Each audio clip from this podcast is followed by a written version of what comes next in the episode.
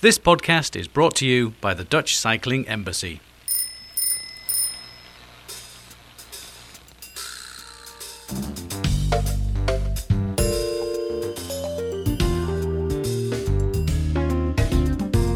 Ladies and gentlemen, welcome to Kloppenburg podcast, which is mainly on the questions how do we keep metropolitan areas accessible in a sustainable way.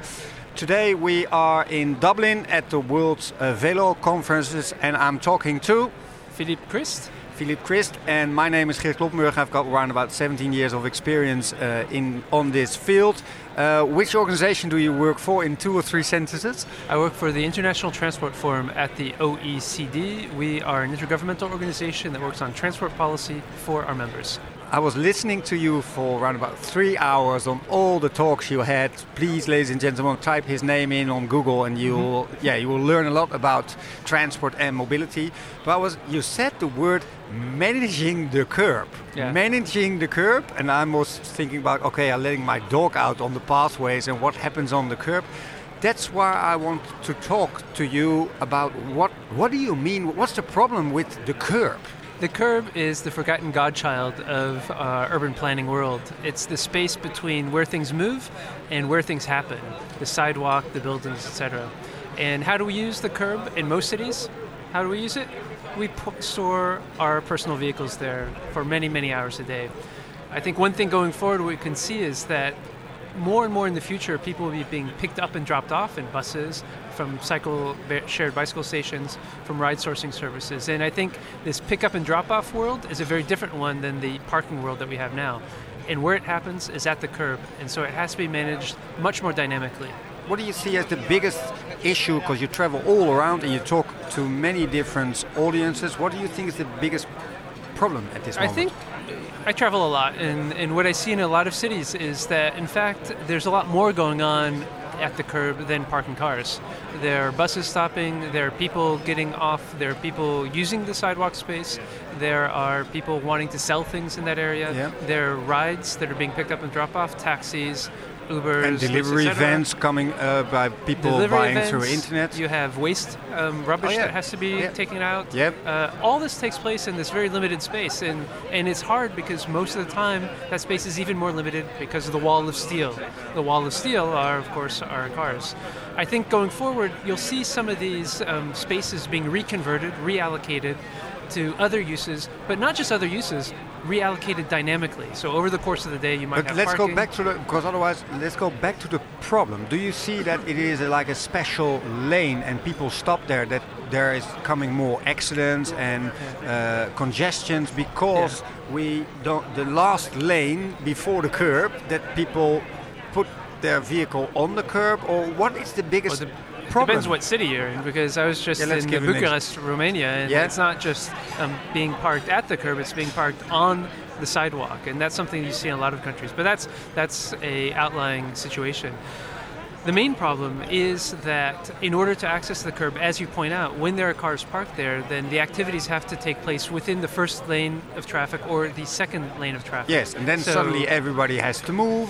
Congestion, but also safety. Yeah. For example, where you have a large pulse of people that need to get picked up and dropped off, then they have to cross into traffic to get into the vehicles. And that's not a terribly safe situation. Do you see already places where they use this curb or kiss and ride, or I don't know how to, to call this, but where they use it into a different way? Have you got an example of it? Well, I think what we've seen historically is that where pressure to access the sidewalk is greatest, then those are the first places where we see these new kind of curb access rules being put into place, yeah. like in airports, like in train stations for taxis and for ride services and for buses as well. But, but we're seeing that, that in just, our cities. Is it that you just go off the normal lane and then there's a little place where you can just kiss it, and ride? Or, or, it's oh, it's just a whole zone, maybe 150, 200 linear meters, where there is no parking and it's a pick up and drop off zone. Yeah, but is that in the lane or is that it's, it's where the parking was? Yeah, which yeah, was I understand. Off. So the lane can yeah. still go and exactly. go and go, and, and so you, just turn to the, the right. Exactly. Have you got? Well, I've got always got Google Maps on because I like it. Then. So if you look uh, south of Dupont Circle in Washington D.C., the city of Washington yeah, we is go actually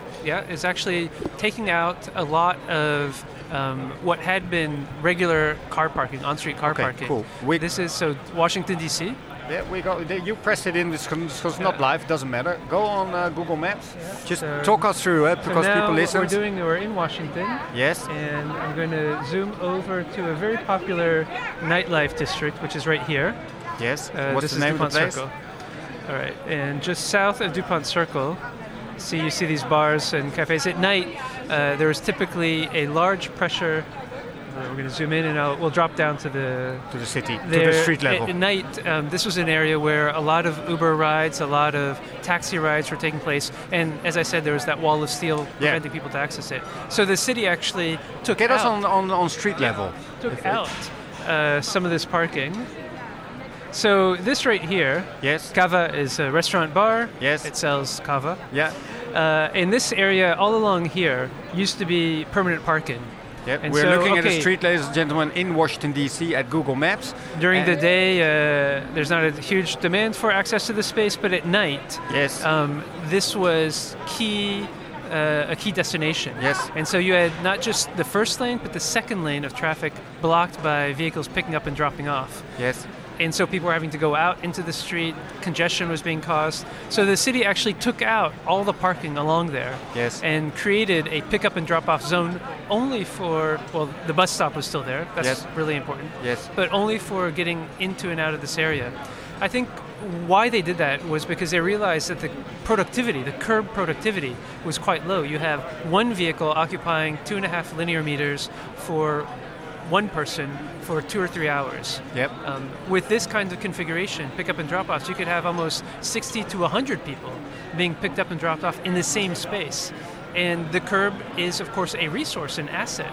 And when we think of it being used statically as we have in the past, it's not a terribly efficient use of that space. There's one thing that's missing in our cities it's space. We keep on talking about this curb because you also, in your talks, you also talk about making use of it more dynamically and Yeah. then with data. Can you talk us through like what do you see in the future then that that the zones in your mobile phone sometimes can be used for taxis and Uber, sometimes for delivery vans, sometimes for maybe putting your your bike there. Uh, Does that already happen? What we can see happening now is that in city centers, more and more trips are being taken by non-owned vehicles. So buses, of course, public transport, um, Uber, shared bikes, Lyft. shared scooters, Yes. Uber, Didi in China, whatever. Yeah. That's a different way of using the city than parking, driving, and parking your car.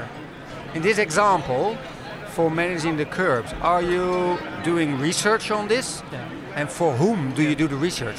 In the past 10 years, we work for Transport Ministries, 60 countries around the world. In the past 10 years, the pace of change, the types of changes, the types of innovations, the types of new things that our countries, our ministers, our departments had not anticipated were increasing dramatically. And so they turned to a number of sources and they turned to us as well to help think about what is it in the future that we're not anticipating that we should. So this is why we do this work. We look at how city use is changing and how that means regulation has to change as well to deliver the same outcomes. We've done it for ride sourcing. We're doing it for Yeah, okay. Let's, I'm curb. going on Google, and where can I find like your latest research on, let's say, managing the curb? the, the name of the body that we created to actually help get some insight from the private sector on what it is that they were developing that would have an impact on cities, on transport, et cetera. It's called the Corporate Partnership Board Yes. at the ITF.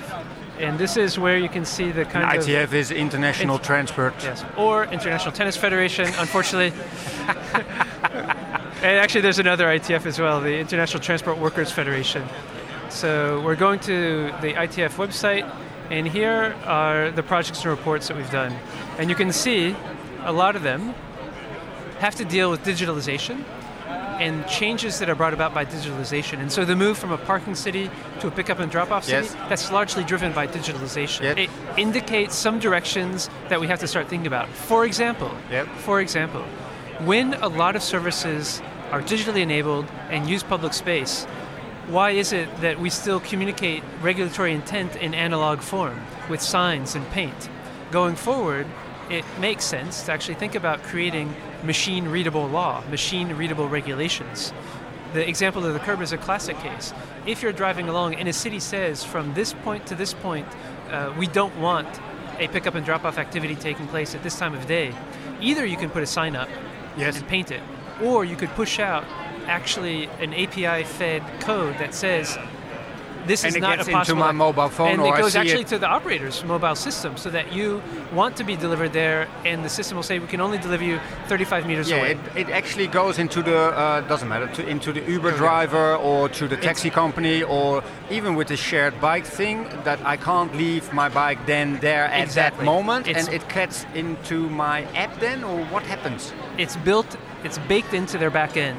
It is a direct reference on regulatory intent that isn't interpreted by a third party it is the government saying this is a law but in machine readable form and i think more and But more machine readable form sounds to me very like maybe I understand it, but it's not in paper. But you're actually still going to say, okay, I don't want you to uh, be on this street during that time, and it's not physical then anymore. The law they don't write it down in paper, but No. they the the rule is still the same. The only thing it comes out through a machine and it gets down into my app. It's- if that's it- what you want to say, it has to be both right now because that only works for digitally enabled services. But someone who is not digitally connected, a service, a driver, a truck that does not depend on a platform to locate where it needs to go, yes. that still has to be an analog. It still Yeah. has to be science. But I think we're moving more and more to this digitally Yeah. enabled world. Yeah. And so already now, though, we have to think about constructing law for that world, regulations for that world. Because if we don't, And that's what you're working on. if we don't, then we can create the law in paper form, but there'll be a gap between how we create that law and how it's interpreted by whom, and then how it's enacted. And that is almost like an outsourcing of the role of governance. Okay, thanks a lot for uh, also like talking us through.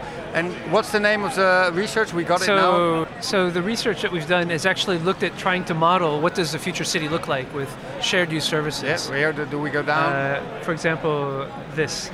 And one of the things we saw when we modeled that is that there were these pulses of demand for curb access that could not be met today. And so, which is why we started looking at how you actually free up that space dynamically. Cool. The other, the other but thing. so it's funny, but it's only like research, and you're talking about it like, and it's only live in Washington. You haven't got more Oh no, no, it's, it's it's that was one example I gave. Yeah. There are a number of cities right now. There are Give a over 80 examples. cities around the world that are using the mobility data specification, which is exactly what I described to you, a way in which. Uh, Public authorities can push out in machine readable form what they want to see happen in public space, where they have a mandate to do that. And so it's cities like Buenos Aires, it's cities like Lisbon, it's cities like New York, like Chicago, like Los Angeles, And it's ex- exactly what we just said to each other. That there comes a, a, a rule by whatever, and it comes to the taxi driver or the Uber driver or the guy who's using a bike sharing things. Okay, you want to turn up to this street. You at this moment you can't park there, or you can park there in. You can be dropped off in one and a half hours. or or the automated driving system of the future. I mean, it is a way of injecting law into the mobility operating system in a way that's native to that operating system. And I don't mean to say that as a way of dehumanizing, because of course there are people involved in this. Yes. But the simple fact is, is a lot of our behavior now is being um, managed by automated systems. In human law, paper law is not directly built into those systems. That's a problem. Yeah, I get the point. Thanks a lot for just joining in and Yeah. just coming here to my little studio straight Yeah, here on the stand. and I'm, I'm actually I'm going to phone you again from the studio in Amsterdam, I think, because you've done so much on this subject, and we just picked out one little piece. Super. And uh, thank you very much for joining in. Thank you. Thank you, Al. Cheers. Dankjewel.